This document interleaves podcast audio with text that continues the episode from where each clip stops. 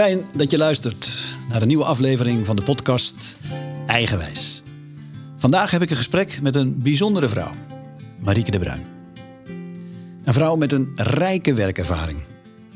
Zij begon in 1992 aan haar eigen praktijk als psychodrama en psychosociaal therapeut. En zes jaar later, nu bijna 25 jaar geleden, startte ze het centrum Marieke de Bruin. Marieke is auteur van twee boeken: Leren leven met verliezen en het boek Wat voor mens wil ik zijn. Ze is inmiddels de 70 gepasseerd. Het feit dat ze is toegetreden tot de categorie oudere jongeren, dat is haar niet aan te zien. Ze is namelijk nog steeds actief in haar praktijk, in het begeleiden van mensen en nog altijd actief verbonden aan de opleiding die zij zelf heeft opgezet. De opleiding VTI, Verlies- en Trauma-integratie, dat opleidt tot psychisch-sociaal therapeut. Marieke, welkom. Dankjewel, Frank. Vertel eens, waar zijn we? Wij zijn in Doesburg, in mijn woning. En wij kijken uit op de kleine IJssel en op de grote IJssel, op de splitsing daarvan. Het is prachtig. Ja, en het is mooi als je, omdat je zo in de verte kan kijken en precies die bocht ook ziet die de IJssel neemt, is het heel mooi om uh, nou, dat meanderen van die schepen ook gade te slaan. Het is, een, het is echt een mooi schouwspel. Ja. En vandaag uh, de ook nog een mooie lentedag. Dan maakt het nog natuurlijk extra mooi. Ja. In een aantal zinnen, Marieke, waar staat het centrum Marieke de Bruin voor? Uh, eigenlijk is dat tweeledig. Aan de ene kant staan wij voor het uh, therapeutisch begeleiden van mensen die vastgelopen zijn. Dat is begonnen en nog wel met mensen die in rouwprocessen vastgelopen zijn. Maar eigenlijk, als je dan met mensen aan het werk bent, heb je het over bewustzijnsprocessen. Groeien van het bewustzijn. En uh, de andere poot is de opleiding die jij al noemde tot psychosociaal therapeut. En uh, geaccrediteerde opleiding waar ik reuze trots op ben en die ik zelf heb ontwikkeld. Ja. Vertel aan de luisteraar de drijfveren, waarom dit en waarom al zo lang. We hebben dit overigens in het voorgesprek. Ik heb een heerlijke lunch van jou gekregen voordat we gingen beginnen. Uh, vertelde je ook hè, de uitwisseling over hoe een pad eigenlijk zich ontvouwt omdat je niet anders kan. Wat, wat zijn jouw drijfveren geweest om ja, we hadden, we hadden het over de blauwdruk. Ja, hè? de blauwdruk. En eigenlijk ben ik die Dat blauw, blauwdruk pas later gaan zien. En Want- met blauwdruk, even voor de luisteraar, bedoelen we dat het eigenlijk een soort blauwdruk in jou is Ja. die je te volgen hebt. Ja, die denk ik verbonden is met je kwaliteiten en je talenten. En dat het verbonden is met een levensopdracht. Die je uiteindelijk toch moet volgen. Want ik kom helemaal niet uit deze richting. Ik kom uit een ondernemersgezin. En ik was eh, vertegenwoordigster bij de Histor in verven. Dus ik ging de, de verfzaken langs om verf te verkopen. En toen ben ik ziek geworden. eh, na veel ingrijpende gebeurtenissen in mijn leven. Het was te veel om op te noemen. Miskramen, dood, scheiding, nou ja. En toen ben ik eh, ernstig ziek geworden. En na dat jaar, toen besefte ik ook dat ik dat werk niet meer kon doen. En toen zei een, eh, een vriendin van mij, met wie ik in een boekenclub zat, die zei: Waarom ga jij niet bij het Humanistisch Verbond de opleiding volgen tot humanistisch vormingsonderwijzer? Dat heb ik gedaan en daar ging een wereld voor me open. Daar ging werkelijk een wereld voor me open. Je werd, je werd aangemoedigd om over jezelf na te denken. Nou, uit die wereld kwam ik helemaal niet. En hoe heeft dat geleid tot het centrum Marieke de Bruin? Ehm, bij het Humanistisch Verbond, toen ik daar eh, voor humanistisch vormingsonderwijs ging geven, vroegen ze mij om uitvaartbegeleider te worden. Dus voor mensen die niet vanuit een geloof of niemand in de familie hebben die een toespraak bij de uitvaart kan houden voor de overledene, over de overledene. En dat, eh, daar heb ik een opleiding voor gevolgd. En ja, ik merkte dat ik dat aan de ene kant ontzettend leuk vond. En daar ook complimenten over kreeg van... het lijkt wel of je hem heel goed gekend hebt. Maar ik besefte toen ook dat ik zelf wel het een en ander had liggen aan rouwprocessen... en niet verwerkte verliezen. En toen kwam, ben ik naar een lezing gegaan in eh, Deventer van Elisabeth Kubler-Ross. Ik zat aan mijn stoel gekluisterd. Van haarzelf? Van haarzelf. Even ja, voor in de negentig jaren. Voor, en zij is de zij grootste grondlegger, autoriteit, ja. groot, autoriteit op het gebied van rouw- en verliesverwerking. Heeft geloof ik wel dertig boeken geschreven of zo. En zoals zij praten over, over de processen, de rouwprocessen, de boeken die ze geschreven had, de lezingen die ze hield. Ik was jaloers. Ik denk, oh, dat wil ik ook, dat wil ik ook. En ik ben naar Amerika gegaan en ik heb de opleiding bijgevolgd. En dat was het begin? Dat was het begin, want toen ik slaagde voor mijn certificaat, toen zeiden ze, you are gifted. Ga dit alsjeblieft in Nederland doen. En dat heb ik gedaan. Heel snel al mijn boekje geschreven en uh, ja, werkweken gegeven, vijfdaagse werkweken gegeven, waardoor mensen dus echt intern zijn en uh, begeleid worden in uh, een stapje verder in hun rouwproces waarin ze vastgelopen zijn. Ja, dus mooi bruggetje, want ik heb zelf die werkweek ooit bij jou gedaan. Ja. Vond ik zeer indrukwekkend.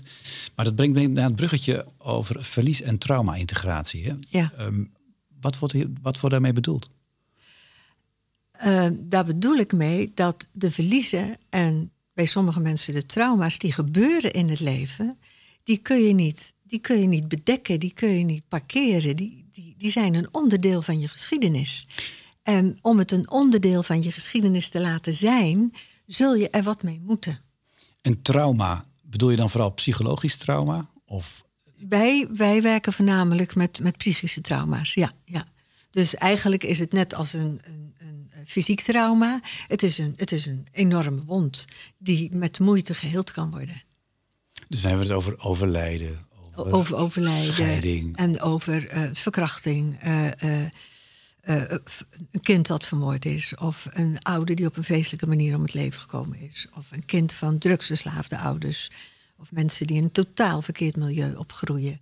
Die echt tot trauma's leiden waardoor mensen getekend zijn voor het leven. En dan is het de, uh, dan is het de kunst, de levenskunst van die ander, om weliswaar onder begeleiding, maar dat trauma niet de geschiedenis van dat trauma te zijn, maar om het te hebben. Dus dat het een deel is van je geschiedenis, waarmee je, wat je niet kan ontlopen, maar waarmee wel verder te leven valt. Nou noemen we behoorlijk ernstige dingen. Is het niet zo dat elk mens wel trauma's oploopt in zijn leven of in haar leven? Nee, dat geloof ik niet. Nee. Nee, ik geloof niet dat elk mens trauma's oploopt. Ik geloof wel dat elk mens uh, struikelt en, en bepaalde dingen meekrijgt in zijn jeugd die ze later uh, uh, nou, moeten verwerpen en daar hun eigen waarden of normen of wat dan ook voor in de plaats zetten. Maar nee, toevallig heb ik een, een partner en die is uh, gezegend met een leven zonder trauma's. Het bestaat echt. Mensen die uit een gelukkig gezin komen en die, die werk vinden waar ze, waar ze blij van worden, die gezin stichten waar ze blij van worden en die, uh, die ook daarmee weer heel goed oud kunnen worden. En niet dat hij zijn verdriet niet heeft gekend, maar geen trauma's. Dat zijn wel twee groot verschillende dingen hoor. Wat maakt het zo moeilijk, Marike, om met verlies in ons leven om te gaan? Ik denk omdat we dat niet leren. En kijk maar naar de, naar de samenleving waarin wij leven. Het moet leuk, jong, vitaal, succesvol zijn. Anders schijn je iets verkeerd te doen. En, en verdriet en boosheid en angst, dat wordt al gauw onder negatieve gevoelens geschaard. Dus maar liever niet. Dus mensen leren daar niet mee omgaan. Terwijl dat eigenlijk gereedschappen zijn voor als het ons niet goed gaat. Dus verdriet, boosheid, angst, dat zijn gereedschappen om ons te helpen als het ons niet goed gaat. Als je pijn hebt, heb je verdriet. En als je dat verdriet leert erkennen en je leert jezelf daarin troosten en je leert empathie te hebben voor de ander met verdriet, ja, dan wordt je leven ook veel rijker. Je noemt dat natuurlijke gereedschappen. Ja. Herinner ik me de. Kun, kun, je daar iets meer over toelichten? Want je noemt nu verdriet, boosheid, angst. Zijn er nog meer? Ja, jaloezie. Ja, dit heeft een negatieve connotatie, maar het is absoluut een gereedschap om ons in contact te brengen. Door dat venijnige gevoeletje wat het geeft. Want ik heb het niet over leuke gevoelens. Hè. Ze voelen allemaal onprettig aan. Maar daarmee zijn het tegelijkertijd signalen dat er iets te doen valt. Bij verdriet vraagt om troost. Angst vraagt om geruststelling. Boosheid vraagt om kracht en duidelijkheid. En jaloezie vraagt om je verlangens en je kwaliteiten te onderzoeken. Die blijkbaar door die ander zijn aangeraakt. En dat neem ik aan is een belangrijk bestanddeel ook van de opleiding. Ja, ja. en dat maakt het werk ook uh, zo gevarieerd. Want dat werkt bij iedereen anders. Dus bij ieder mens valt er weer wat anders te ontdekken. En ik ben er ook van overtuigd dat ieder mens het eigen antwoord in zich meedraagt. Ja. Ja, ja. Wij begeleiden door onze, door onze vragen en door onze. Uh, omdat we mensen leren, om, wij noemen dat naar binnen gaan. Dus, dus echt hun, hun lijf op signalen te leren kennen, op gevoelens die aangereikt worden. Um, leren we mensen om met deze gereedschappen om te gaan. Omdat ze, nogmaals, ze, ze leiden tot een verrijking. Je leert jezelf steeds beter kennen. Dus je kan ook steeds beter met jezelf overweg. Je kan het steeds beter veilig maken voor jezelf in situaties waarin je je niet goed voelt. Dat brengt mij bij mijn volgende vraag. En je noemt het begrip veilig. Van jou is de uitspraak die me echt tot vandaag blijft raken. Ik heb hem jaren geleden van jou gehoord. En dat, die luidt: het hoogste goed in je leven is dat je, wat je kunt bereiken in je leven, is dat je veilig bent bij jezelf. Hoe, en dat vind ik, ja, die resoneert enorm bij mij. Hoe heb jij die veiligheid bij jezelf gevonden? Die heb ik moeten verwerven. Die heb ik zeker niet meegekregen. Hoe heb je dat gedaan? Ja, door, door, door dit te gaan doen, door in therapie te gaan, door deze dingen te leren, door opleidingen te volgen, door workshops te doen, door mezelf te verdiepen in de ander en door uiteindelijk een therapeut te worden die zich, zich in kan leven in, in waar de ander is. Kubler-Ross zei altijd, je moet niet pretenderen anderen te begeleiden daar waar je zelf niet geweest bent. En daar is mijn opleiding ook zeker op gebaseerd eigen processen. Wij werken nooit met casussen. Altijd kom je met eigen processen. Die moet je leren begeleiden bij de ander. Je bent je eigen materiaal. Je bent je eigen studiemateriaal. Ja. ja. Dat is, voor zover ik daar echt zicht op heb, ook wel de, de grote valkuil natuurlijk van therapeuten. Dat je, voor je, het, voor je het weet, ga je je eigen verhaal inbrengen. Ja, of je gaat werken volgens een model. Iemand die vult een intakeformulier in en die verwerft daarmee een aantal punten. En dat aantal punten zegt welk model erop gelegd wordt. En dan komt de diagnose en daarop volgt een behandeling. En dat zet haaks op wat wij doen. De cliënt, het verhaal van de cliënt is altijd het uitgangspunt. Omdat ik werkelijk geloof dat een van de dingen die betekenis kunnen geven aan ons bestaan, ook het verhaal is wat we in ons meedragen. Dat leidt uiteindelijk tot bevrijding. Als we dat verhaal gaan begrijpen. Mariek, dan ga ik jouw materiaal gebruiken. Welk verhaal heeft je daartoe gebracht? Je eigen verhaal, die uiteindelijk Centrum Marieke de Bruin opsteekt. Ik weet, ik weet niet hoeveel, maar volgens mij heb je al tientallen, zo niet honderden mensen opgeleid tot psychosociaal therapeut. Ja. De aanpak Marieke de Bruin is in, in therapeutenland bekend.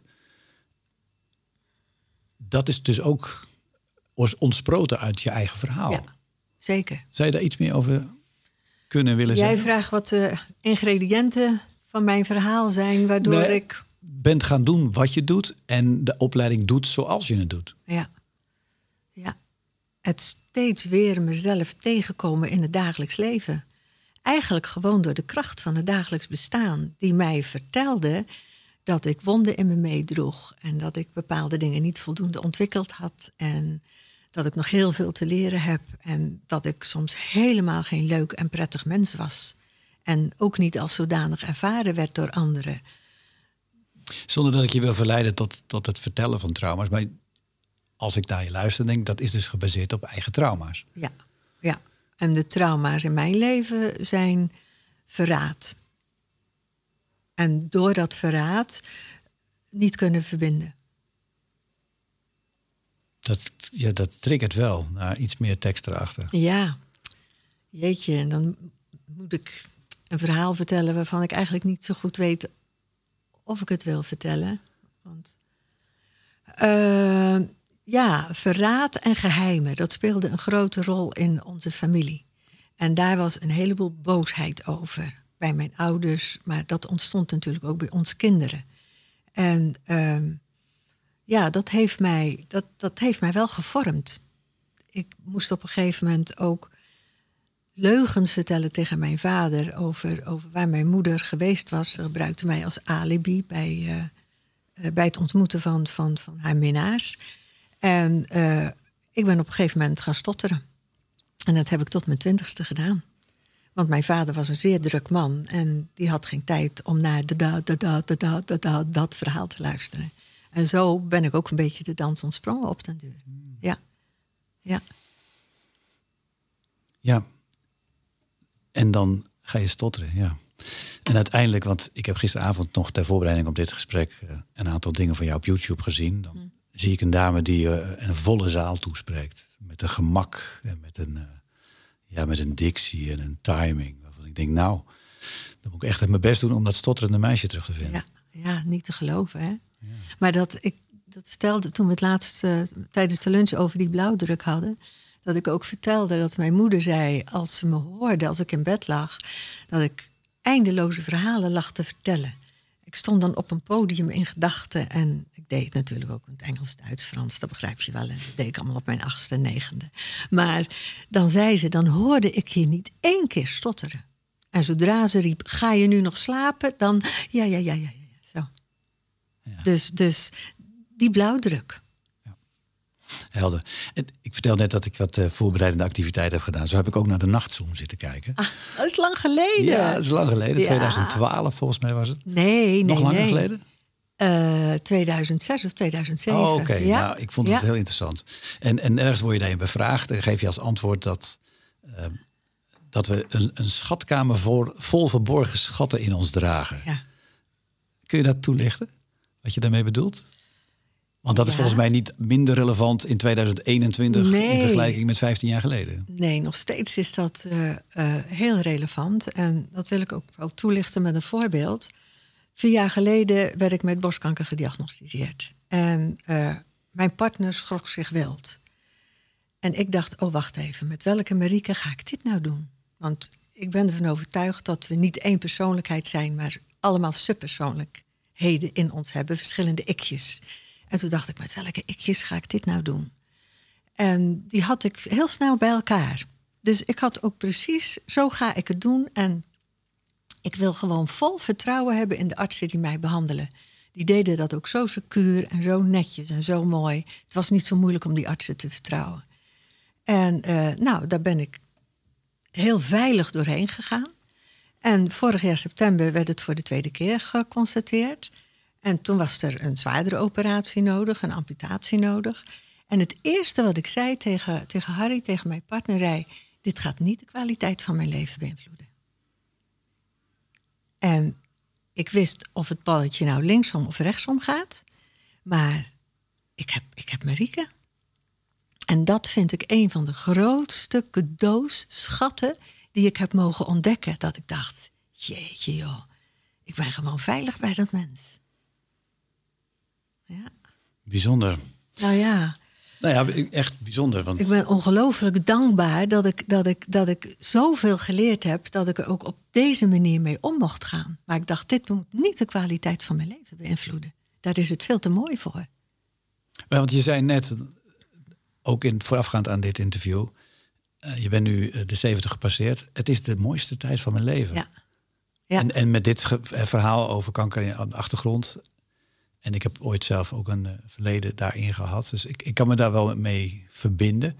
Wat maakt deze tijd voor jou zo extra bijzonder goed? Nou, dat is toch die veiligheid die ik in me meedraag. Buiten het feit dat ik een ongelooflijke, leuke, lieve partner heb. En, en nog steeds mag werken volop. Want dat is ook een van de grootste vreugden van mijn leven. Maar ik zou geen jaar van mijn leven over willen doen. Heb ik altijd geroepen. En de laatste drie jaar zeg ik dat niet meer. Want het is, het, het, ik vind het een prachtige periode in mijn leven. Echt de mooiste tot nu toe. Het is één groot cadeau. Dat vind ik heel hoopvol, want ik ben iets jonger dan jij. Ja. Dus eh, het, het beste ligt nog in het, in het verschiet. Ja, en ik denk dat ook een van de sleutels daartoe is dat als ik naar mezelf van vroeger kijk, dan zie ik een vrouw die vanuit haar leven, vanuit haar dagelijks bestaan, reageerde op gebeurtenissen buiten haar. En dat ik in de loop der jaren geleerd heb om me te verhouden tot gebeurtenissen. Ik bepaal hoe ik me ertoe verhoud. En dat, dat is een, een ommekeer geweest in mijn leven die van grote betekenis is voor de kwaliteit ervan. Je doet me denken aan, uh, ik weet niet, ken jij, ik, binnenkort heb ik een gesprek met Juno Burger. En Juno Burger is uh, iemand die met energie werkt en daar nou, bijzondere dingen in doet. En ik heb recent een dag met hem gevolgd, waarin hij personal clearing noemt hij dat, waarin hij je laat ervaren hoe dat is om met energie om te gaan. Even de veronderstelling, alles is energie. Dat mhm. kun je wetenschappelijk uitleggen. Dat, en dat zit dus ook in mensen. En we kunnen ons soms dingen vasthouden. Dan houden we de energie vast. Kan het letterlijk in je lijf vast gaan zitten. Maar hij komt met een ongelooflijk eenvoudig model. Wat simpel uit te leggen is, maar niet zo makkelijk toepasbaar. Althans, vind ik. En dat is dat als je zaken meemaakt, dan is het de kunst om daar vooral dat waar te nemen. En je er niet mee te identificeren en dan vervolgens dat los te laten. Hij komt met het begrip compassie. Zegt, daarvoor is nodig compassie. En dat legt hij uit op twee manieren. Compassie is zonder oordeel zijn, maar ook zonder verwachting zijn. Dus ehm, als jij dan roept, of net zojuist zegt over de me ertoe verhouden, past dat in dit ja, verhaal? Helemaal. Ja, dat herken ik in dit verhaal. Ja. Dus je ertoe verhouden, elke keer weer helemaal uh, uh, zelf bepalen aan de hand van de gevoelens die het oproept, aan de hand van de gedachten, die het, aan de hand van wat de ander of de gebeurtenis in je oproept. Zorgvuldig kijken hoe verhoud ik me hiertoe. Ja. En dat heeft zeker met energie te maken. Ja. De podcast heet Eigenwijs, Marieke. Wat roept dat bij je op? Je eigen wijze van leven? Ja, ik denk dat je er toch in de loop van je leven, door middel van je ervaringen, uh, een, een wijze hebt moeten ontdekken die het beste bij je past. En even terug naar eerder dit gesprek. Ik ging naar Amerika, althans humanistisch verbond eh, Amerika, Elisabeth Kubler-Ross. Je pad vinden. Het is best een tocht geweest. Ja, zeker. Ja. Dat is niet anders, denk ik, als het gaat over je pad vinden. Klopt dat? Nee, ik was, ik had Kubler-Ross gehoord en ik was vastbesloten. Naar jou moet ik toe. Bij jou heb ik wat te halen. Ja. Overigens, voor de luisteraar, Elisabeth Kubler-Ross, die dat niet kennen, is een, uh, een van oorsprong Zwitserse dame. Ja. Een van een drieling die ooit naar Amerika ging, daar arts werd. En daar eigenlijk het hele sterfbegeleiding uh, bekend heeft gemaakt. En ik herinner me nog uit boeken die ik gelezen heb, dat zij ook met de jonge artsen in de collegezaal uh, confronteerde met mensen die op bedden lagen en terminaal waren. En daar, uh, als, daar als gevolg daarvan ook het thema stervensbegeleiding wilde binnenbrengen. Ja. Daar is ze dus echt een pionier geweest. Absoluut, en er is ze zo in geslaagd. Ja. ja, dat heeft ze echt op de wereldkaart gezet. Ja. ja mooi. Wie of wat heeft nou echt invloed gehad op het vinden van je eigen pad? Kleine toelichting op die vraag. Ik geloof dat je, ik noem het gidsen. Ik noem het mensen die hier en daar een steuntje geven, een duwtje geven. Uh, in de richting die voor jou de bedoeling is. Wie of wat heeft dat in jou, op jouw pad gedaan? Uh, dat begon met die leraren van het Humanistisch Verbond, bij die opleiding. En daarna mijn leraar Lex Mulder, waar ik de opleiding psychodrama-therapeut heb gevolgd. En uh, het is wel grappig, maar ik heb ook padwerk gedaan.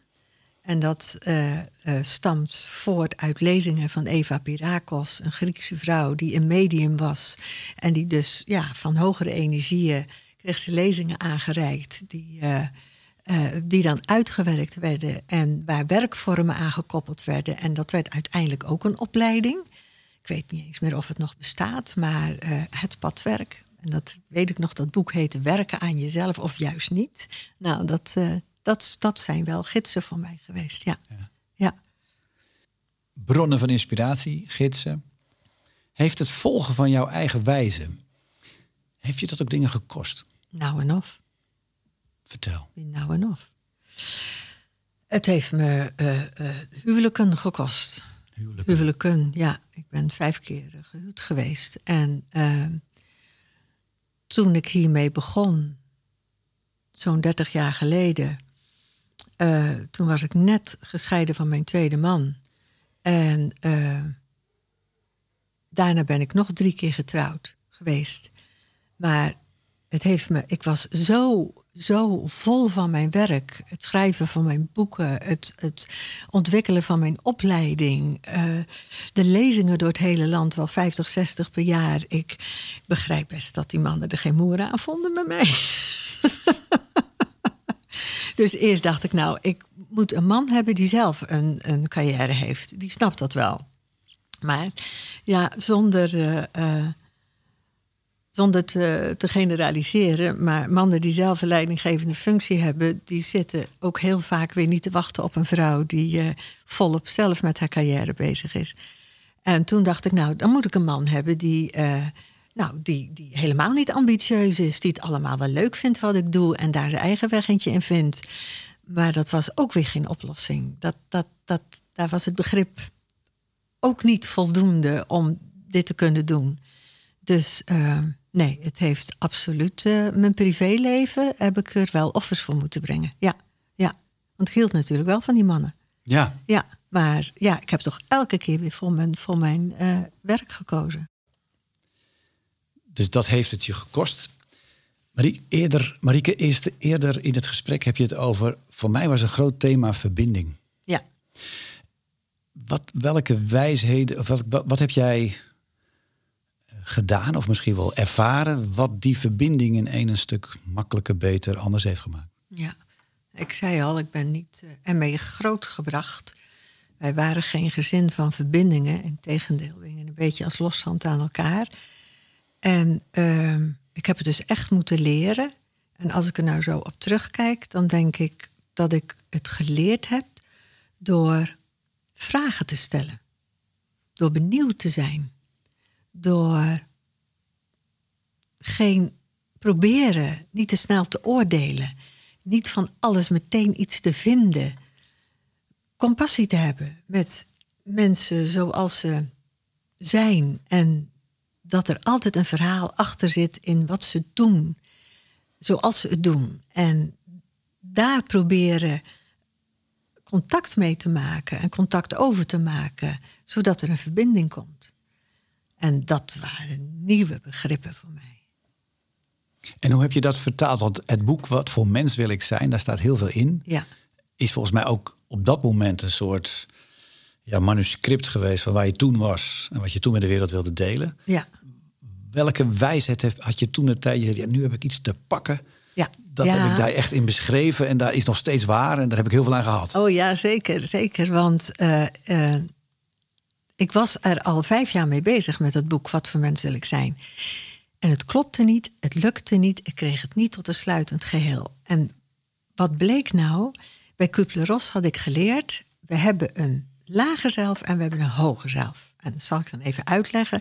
Het hoge zelf, dat is de universele, onvoorwaardelijke liefde waardoor elk mens gevoed wordt. In, in haar uh, uh, theorie. Theorie, hè? In, de, in, in de discipline waar ik dan vandaan kom. Het lage zelf, dat zijn die lagere gevoelens, die negatieve gevoelens, zoals boosheid en verdriet en wanhoop en haat en wraak en lagere gevoelens. En zij zei, als je nou maar zorgt dat je je shit opruimt, je unfinished business, zoals zij dat noemde. En als je nou maar zorgt dat je heelt en je vrij maakt van, van, uh, nou, van die gevoelens van boosheid, verdriet en, en angst, dan kom je in, een, in, een, in je hoge zelf, in die onvoorwaardelijke liefde terecht. En Frank, ik dacht, dat lijkt mij wel wat. Want ik was wel vaak boos. En ik kon me niet verbinden. En die huwelijken die misliepen, die hielpen daar natuurlijk ook niet aan mee. En toen ik haar zo hoorde spreken, toen dacht ik, dat lijkt mij wel wat. Want als ik nou alle zooi van mijn leven opruim, dan kom ik in onvoorwaardelijke liefde terecht. En dan loop ik met een hartje boordevol liefde en een blik vol mededogen door de wereld. En dat was het ultieme. En dat was het ultieme. Nou, het is niet gelukt. Het gaat me ook nooit lukken hoor. Dat zeg ik bij voorbaat. En dat was wat er dus niet klopte in dat boek. Want dat merkte ik ook in mijn werk. Dat is een veel te grote stap. Je kan niet, je kan niet van hele menselijke, natuurlijke gevoelens in één leven opgeleid worden tot engel. Dat gaat niet. Nee. Op een ochtend word ik wakker. Ik was daar mee aan het worstelen dus, voor het boek. Op een ochtend word ik wakker en ik hoorde mezelf zeggen... maar er is ook zoiets als een tussenzelf. Ik ben aan de tafel gaan zitten En ik ben een tekening gaan maken van dat lage zelf, tussen zelf, hoger zelf. En ik ben er allerlei gevoelens bij gaan schrijven waarvan ik dacht dat ze erbij hoorden. Want tussen zelf, dat vertaalde ik met voorwaardelijke liefde. En dat is de liefde waar we in het dagelijks leven mee te maken hebben. De liefde waar we voorwaarden aan stellen om de liefde te kunnen leren kennen. Dus dat je merkt dat je van je eigen kind meer houdt dan van een buurjongetje. En dat je je eigen vrouw of je eigen man leuker vindt dan de melkboer. Dat is dan te hopen voor je eigen man. Maar weet je, dat er gewoon gradaties en liefde zijn. En dat je niet voor iedereen dezelfde gevoel van liefde op kan brengen. En soms zelfs helemaal niet. Dat je soms mensen helemaal niet eens aardig vindt en er nauwelijks aardigheid voor op kan brengen. En dat was voor mij de sleutel. Ik denk dat is het tussenzelf. En dat heb ik toen heel uitgebreid beschreven in mijn boek. En toen had ik het rond.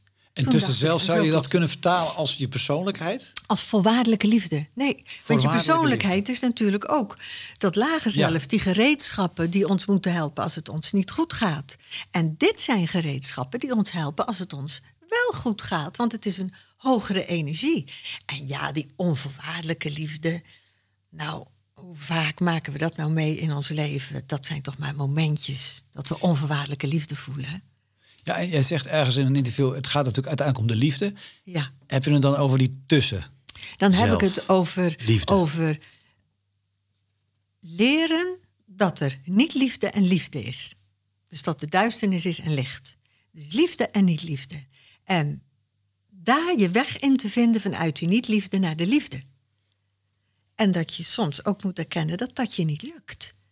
En dat is die voorwaardelijke liefde. Dat is die hele, die hele lijn van niet-liefde tot liefde.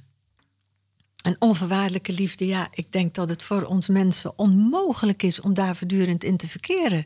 Want we worden voortdurend uitgedaagd en we krijgen verleidingen in het leven. En er wordt ons toch dagelijks gevraagd te kiezen tussen de liefde en de niet-liefde.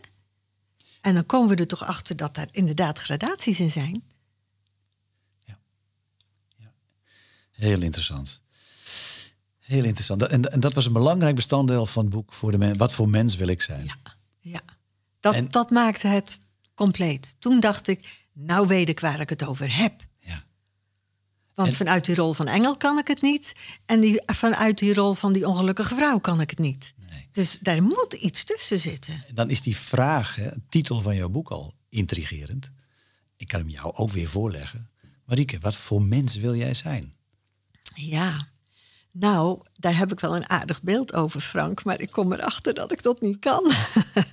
dat ik dat echt niet altijd kan. Wat is het beeld wat je hebt? Nou, ik wil graag een vrouw zijn die liefdevol, vol begrip, vol compassie, eh, eh, eh, er altijd in volle aandacht aanwezig zijn. Zo'n vrouw zou ik willen zijn. Maar ik merk dat ik dat ook niet kan. Niets menselijks is jouw Nee, ik, mer- ik kom ook van mezelf dingen tegen. Nou, laat ik een voorbeeld geven uit mijn eigen leven. Er is een situatie in mijn leven en het zou mooi zijn als ik een stap kon zetten naar de ander, waardoor het voor de mensen eromheen prettiger werd. Ik moet even Ja. zo objectief het vertellen, want anders dan wordt het, eh, nou, dan is het niet leuk voor de mensen die erbij betrokken zijn. Het liefst zou ik die vrouw willen zijn. Dat ik gewoon met een hart vol liefde kon zeggen: Ach, kom maar op, joh. Ik neem je gewoon helemaal zoals je bent. En dat is helemaal goed. En de dingen die je tegen me zegt, die, nou, die raken me nauwelijks. Want ik weet gewoon dat jij het ook vanuit je eigen pijn zegt. Dat weet ik met mijn verstand. Maar ik heb gemerkt dat als ik dat doe, dan ga ik in maskergedrag vervallen. Dan doe ik alsof ik zo ben, maar in wezen kook ik van binnen. Dus dat was niet de manier. Dus ik heb voor mezelf, voor mijn eigen veiligheid, voor dat kind wat al zoveel met verraad en, en, en, en leugens te maken heeft gehad, voor de veiligheid van dat innerlijk kind in mij wat nog niet tot wasdom gekomen is en wat nog niet die volwassen vrouw is die ik zo graag zou willen zijn.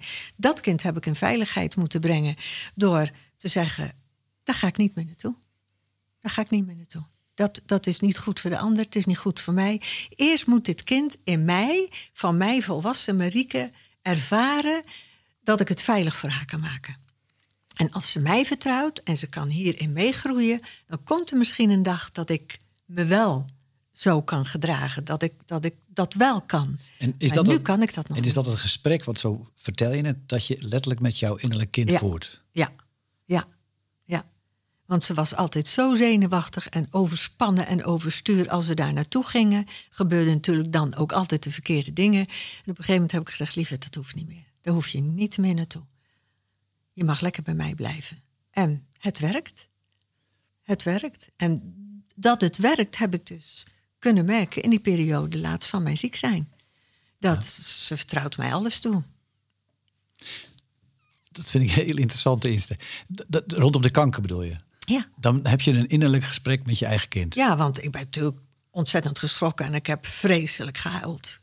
Ik heb, ik heb ongelooflijke huilbuien gehad. En al maar weer zeggen, al maar weer mezelf geruststellen. Lieverd, je bent in goede handen, iedereen doet zijn best. En als het kwartje naar de verkeerde kant valt, dan is er ook weer een weg die je vol vertrouwen kan betreden. Want daar geloof ik gelukkig ook in, hè?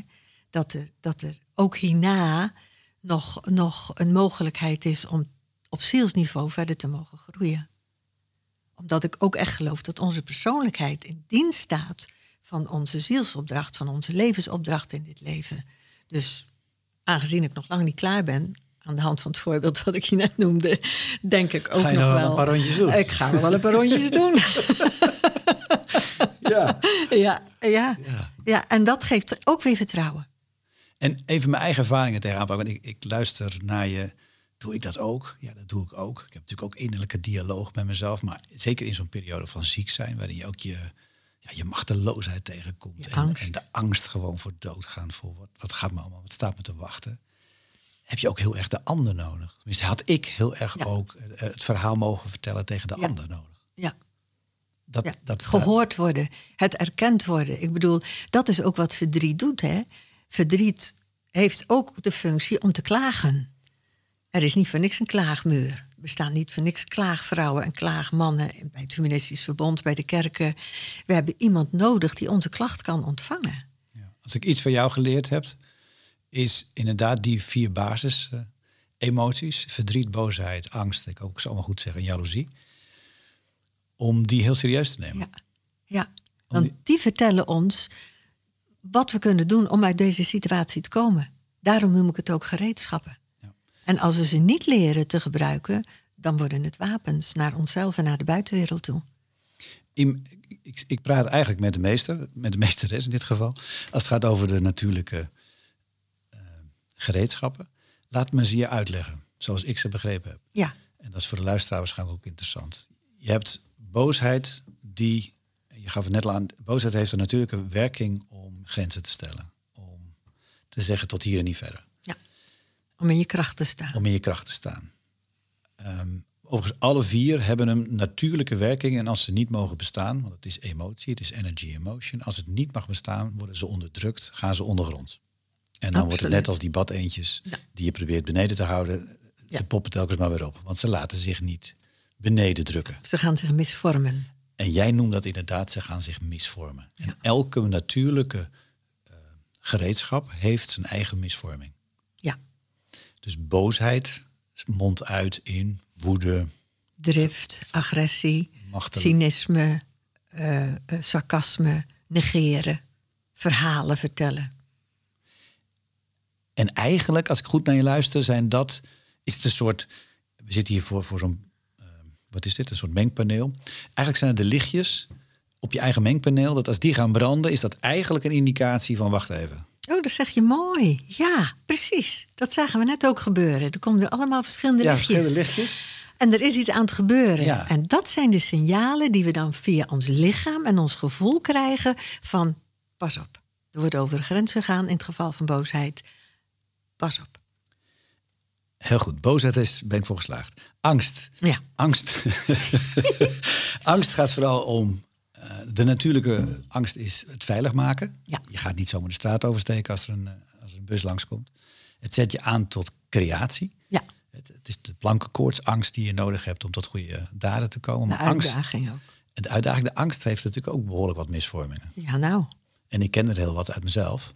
Maar eh, angst, nou, eh, als ik voor mezelf, eh, angst voor de toekomst heb ik zeker iets mee. Ehm, eh, wat, wat, wat heb je meer aan angst? Help even, want dan zeg ik welke klopt. Aha, je hebt het macho-gedrag, hè? Mm, En machia's ook, maar vrouwen kunnen er ook wat van. En het overal bang voor zijn, besluiteloosheid, geen beslissingen durven nemen. Als ik in, echt in angst kom, dan word ik besluiteloos. Ja, ja, ja. Welke heb je nog meer? Fobie, dat is natuurlijk ook een uiting van angst. Ja, nou, dat zou ik niet meteen zeggen. Maar... Mensen die alles eng vinden. Oh nee hoor, durf ik niet. Oh nee hoor, die, die gaan de uitdaging niet meer. Je gaat de uitdaging ik word, niet meer aan. als ik echt in zo'n situatie kom, dan word ik passief ook. Ja, Dat hoort er ook bij. dat hoort er ook bij. Ja, Ja, ja. ja. Interessant. Ehm, en om even voor de luisteraar af te maken. eh, verdriet, Verdriet. die heb je net, hè, de klaagmuur. Dus verdriet eh, spoelt schoon, ja. Heelt wonden. Ja, ik zeg altijd, er zijn drie soorten wonden. Mag ik dat even Ja, zeker. vertellen? Ja, zeker. Er zijn drie soorten wonden. Er zijn wonden die helen. Die heb je ooit pijn gedaan en er is niks meer van te zien en dat voel je ook niet meer. Er zijn wonden die laten littekens na. Het is, zegt het woord zegt het al, een teken van leed. Er is iets gebeurd en daar word je nog steeds aan herinnerd. Het wil van binnen opnieuw een plaatsje krijgen. En er zijn open wonden. Die helen niet. Kan je daar een voorbeeld van geven? Ehm, Oh, ik weet er wel een. ja, Kinderloosheid precies. is bijvoorbeeld. Dat kan een hele open wond zijn. En dat heelt niet. Dus daar moet je goed voor zorgen. Het is ongewenste kinderloosheid. Moet ik dan Ongewenste kinderloosheid, ja. ja. Ja. Jaloezie, je hebt het al eerder een beetje aangeraakt. Jaloezie is het, ik, ik is, is, dat brengt je naar je verlangen. Eh, ik heb altijd onthouden, en dat moet ik eh Loes ook eh, heel veel credits geven, mijn vrouw, die dat ook in haar werk, geïnspireerd door jou, want zij heeft je opleiding gedaan, eh, ook in haar werk toepast. En ik mag af en toe mee in een workshop, loopbaan, eh, de loopbaancheck, en dan past het dat ook toe. Is het een ehm kompasnaald van je verlangen? Want Ja. het, het, eh, laten we zeggen, ik word jaloers op mensen waar ik wel van denk, dat zou ik ook wel willen. En dus heb ik potentieel ook de kwaliteit om dat te kunnen. Precies. Want anders zou ik ze bewonderen. Juist. Juist. En bij bewondering zit niet dat venijnige haakje. Nee. Jaloezie zit altijd een venijnig Maar haakje. venijnig klinkt zo negatief. Ja, oh, nou ja, een, een, zo'n steekje. Zo'n, zo'n, ah, niet leuk, niet Hmm. prettig. Maar daarom is het ook een gevoel wat in dat rijtje thuis hoort. Want het zijn aan zich geen prettige gevoelens, maar ze geven signalen af.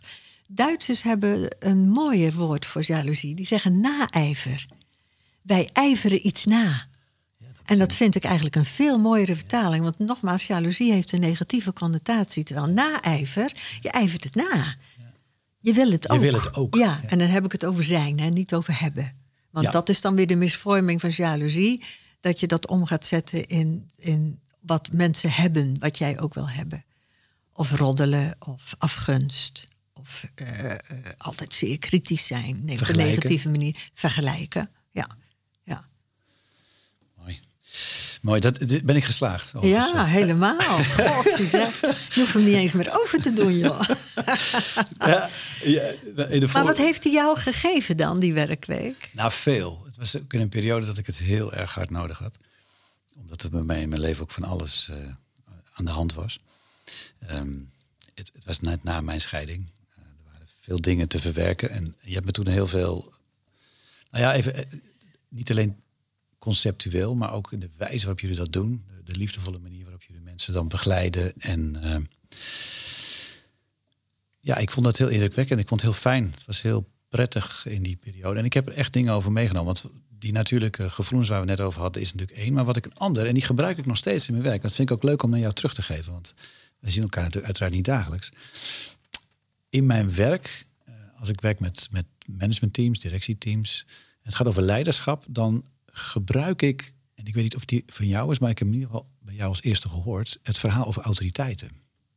Dus dat je verschillende autoriteiten, ik heb hem een beetje eh, verbasterd naar eh, kwalite- eh, kwaliteiten of autoriteit met leiderschapskwaliteiten. En dan heb je het, het uiterlijk leiderschap, het inhoudelijk leiderschap en het innerlijk leiderschap. Ja, Alleen jij bent de bron van dit verhaal. Zou jij dat nog eens willen toelichten? ja.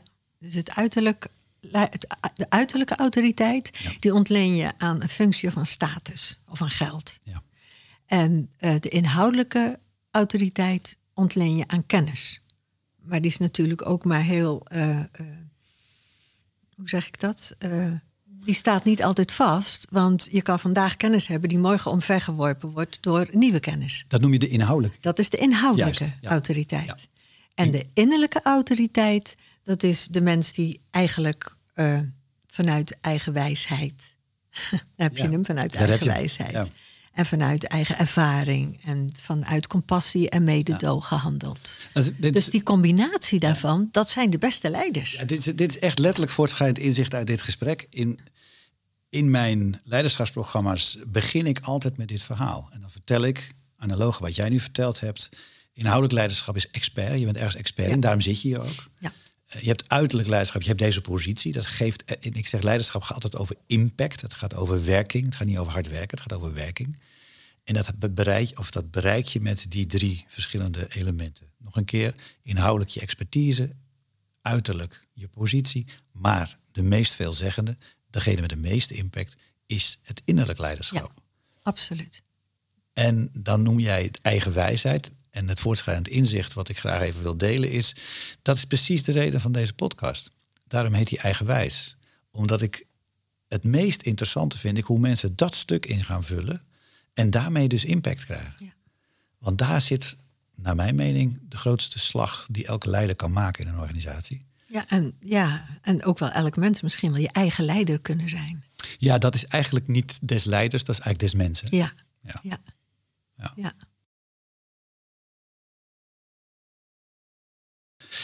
Ik wil je vragen, als jij nou eens op mijn plaats zou mogen zitten, wie zou je dan heel erg graag willen interviewen? En laten we ervan uitgaan dat eh, money no issue is. Oké. Maar jij gewoon. En er is geen corona, ik mag overal er is geen corona en, en de persoon in kwestie zal nog ja zeggen ook Ja, gewoon. daar ga ik vanuit. Ja, dat is dan toch wel Obama. Barack Ja? Obama, Barack absoluut. Obama? Ja, ja. Dat is een man ik die jij- bewonder die man zo in, in, in waar hij vandaan komt en zijn menselijkheid. En alleen al dat prachtige gezondheidsprogramma waar hij zo voor gestreden heeft. En niet, niet de macht willen, willen hebben, maar dat eigenmachtig zijn. Dat heb ik zo teruggezien bij deze man. Deze man is eigenmachtig. En, En- die heeft innerlijke autoriteit. Exact. Dat is Ja. een prachtig voorbeeld van innerlijke autoriteit. Absoluut. Ja, en alle drie, hè? dus inhoudelijk en uiterlijk, maar, maar innerlijke autoriteit. Ja, ja. Ja, als ik eh, in mijn programma's ook vaak een soort check-in vraag van... vertel eens leiders die jou inspireren. Dan komt hij vaak terug en krijg ik heel vaak dit antwoord. Van, Ja, hij is zoveel meer dan zijn positie en zoveel meer dan een heldere, slimme vet. Hij is vooral zijn presence, zijn Zijn aanwezigheid, Aanwezigheid, ja. ja. zijn aandacht. Mooi mens. Mooi, we gaan naar een afronding eh, van dit eh, interview. Als ik eh, aan jou vraag, Marike, je bent iemand met een rijke ervaring in het leven. En er zijn waarschijnlijk allerlei mensen van allerlei leeftijden die hier naar luisteren. Wat voor advies zou jij vanuit wie jij bent geven aan mensen als het gaat over het vinden en volgen van je eigen wijze? Neem jezelf serieus. Neem jezelf serieus in wat je ervaart, wat je beleeft. Onderzoek het. Blijf jezelf de boeiendste mens in je eigen leven vinden. Want er is niemand boeiender dan jij, want je moet het met jezelf doen, uiteindelijk. En eh, je moet niet alleen met jezelf leven, maar je moet zo leven dat je ook met jezelf kan sterven. Dus je kijkt nu Dat naar... dat vind ik een interessante. Ja, ja, je moet met jezelf leven. Dus, dus maak het zo veilig mogelijk en zo goed mogelijk en zo mooi mogelijk voor jezelf. Want wie er ook naast je zit en wie je hand ook vasthoudt, als je gaat, moet je in het beste gezelschap gaan. En dat bij jezelf. En dat is echt mijn streven. Ik wil in het gezelschap van de leukste mensen gaan die je ken. En bij wie ik me het veiligst voel. Ja, daar ben ik toch echt zelf voor. En nu, eh, 70 En- plus, zeg jij, dat zei je al ergens in het interview, dat, daar kom ik steeds dichterbij. Ja, dat gevoel heb ik wel, die veiligheid. Maar tegen jonge mensen zou ik ook willen zeggen: eh, je hoort zo vaak, ga je dromen achterna. En dan denk ik: nee, onderzoek je dromen eerst op de mogelijkheden. Blijf altijd binnen het kader van je eigen mogelijkheden kijken. En natuurlijk mag je buiten die kaders treden om te onderzoeken wat nog meer mogelijk is. Maar een droom achterna, ach jongens, dat klinkt zo vluchtig. Niet doen hoor. Dat klinkt bijna als die, als die wijze oma die zegt... Ik hoorde het zelf. Ja. kind, Niet doen hoor, liefje. niet Nee. doen hoor. Niet doen. En we doen het toch, want we moeten allemaal onze eigen ervaring opdoen. En dat hè. is ook zo. Ja. Er is geen generatie die het ooit van de vorige generatie geleerd heeft. Nooit. Zo is het. Marieke, traditioneel inmiddels in deze podcast is dat we eindigen met een, eh, een muzieknummer die voor eh, de gast, in dit geval jijzelf, betekenisvol is. Ja. Ik heb het jou gevraagd. Ja, en ik wist het meteen. Jij wist het onmiddellijk. Ja, want het is al dat 30 jaar is het het ges- muzikale geschenk wat ik mijn eh, deelnemers meegeef aan het eind van de werkweek. Ik heb hem ooit ontmoet en heb ik dit ook mogen vertellen. En hij zei, en daar doe ik het ook voor. En dat is Ik hou van mij van Harry Jekkers.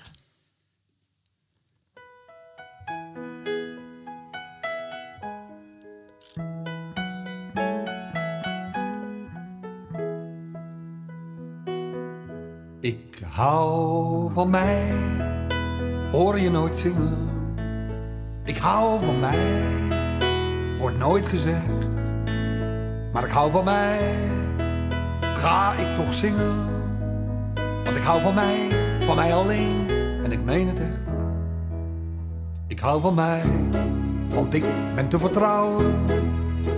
Ik hou van mij, van mij kan ik ophouden. Ik hou van mij, op mij kan ik tenminste bouwen. Ik hou van mij en ik laat mij nooit meer gaan. Ik blijf bij mij en niet voor even. Ik blijf bij mij voor eeuwig en altijd.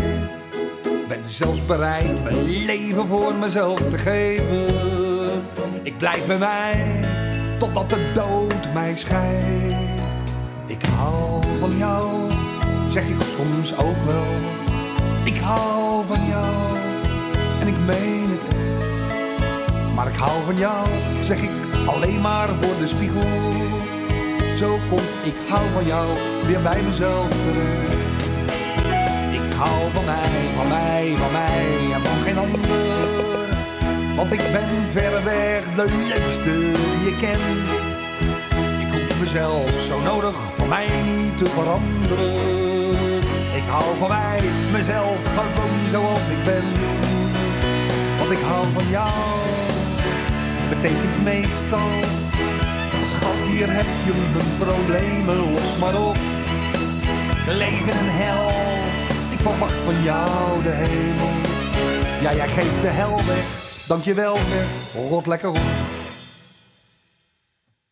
Want ik hou van jou is niet de sleutel tot de ander.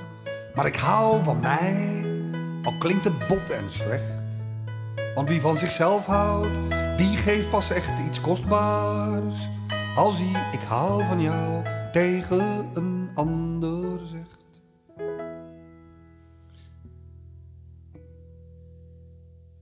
Dat zegt het helemaal. Zeker.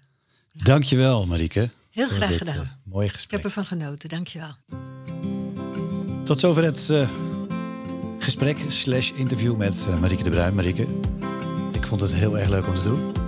Hoe heb jij het ervaren? Ik heb genoten. Ik Ja? heb echt genoten. En Gewoon weer om jou weer eens. Ik heb je ook altijd een heel inspirerende man gevonden. Ik vind het altijd zo leuk om met je te praten. En dan zeker nu we meteen zo de diepte inhollen. Ik heb genoten, Frank. Dankjewel. Ook voor je mooie vragen. Heel graag gedaan. Wat ik eh, heel graag de luisteraar ook nog wil meegeven... is dat ik me voor kan stellen dat, eh, dat ze geïnteresseerd zijn geraakt in jou en je werk.